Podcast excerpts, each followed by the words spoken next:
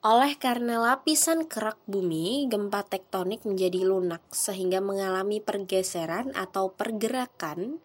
Dalam teori tektonik plate menjelaskan bahwa bumi kita ini terdiri dari beberapa lapisan buatan.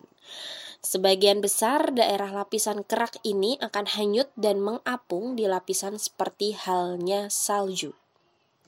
Lapisan ini bergerak sangat lambat sehingga terpecah-pecah dan bertabrakan satu sama lain. Itulah mengapa yang menyebabkan gempa bumi dapat terjadi.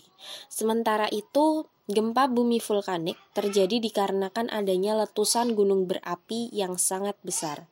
Gempa bumi vulkanik ini sangat jarang terjadi dibandingkan dengan gempa bumi tektonik merambat ke segala arah ke semua arah dan goncangan seperti guncangan.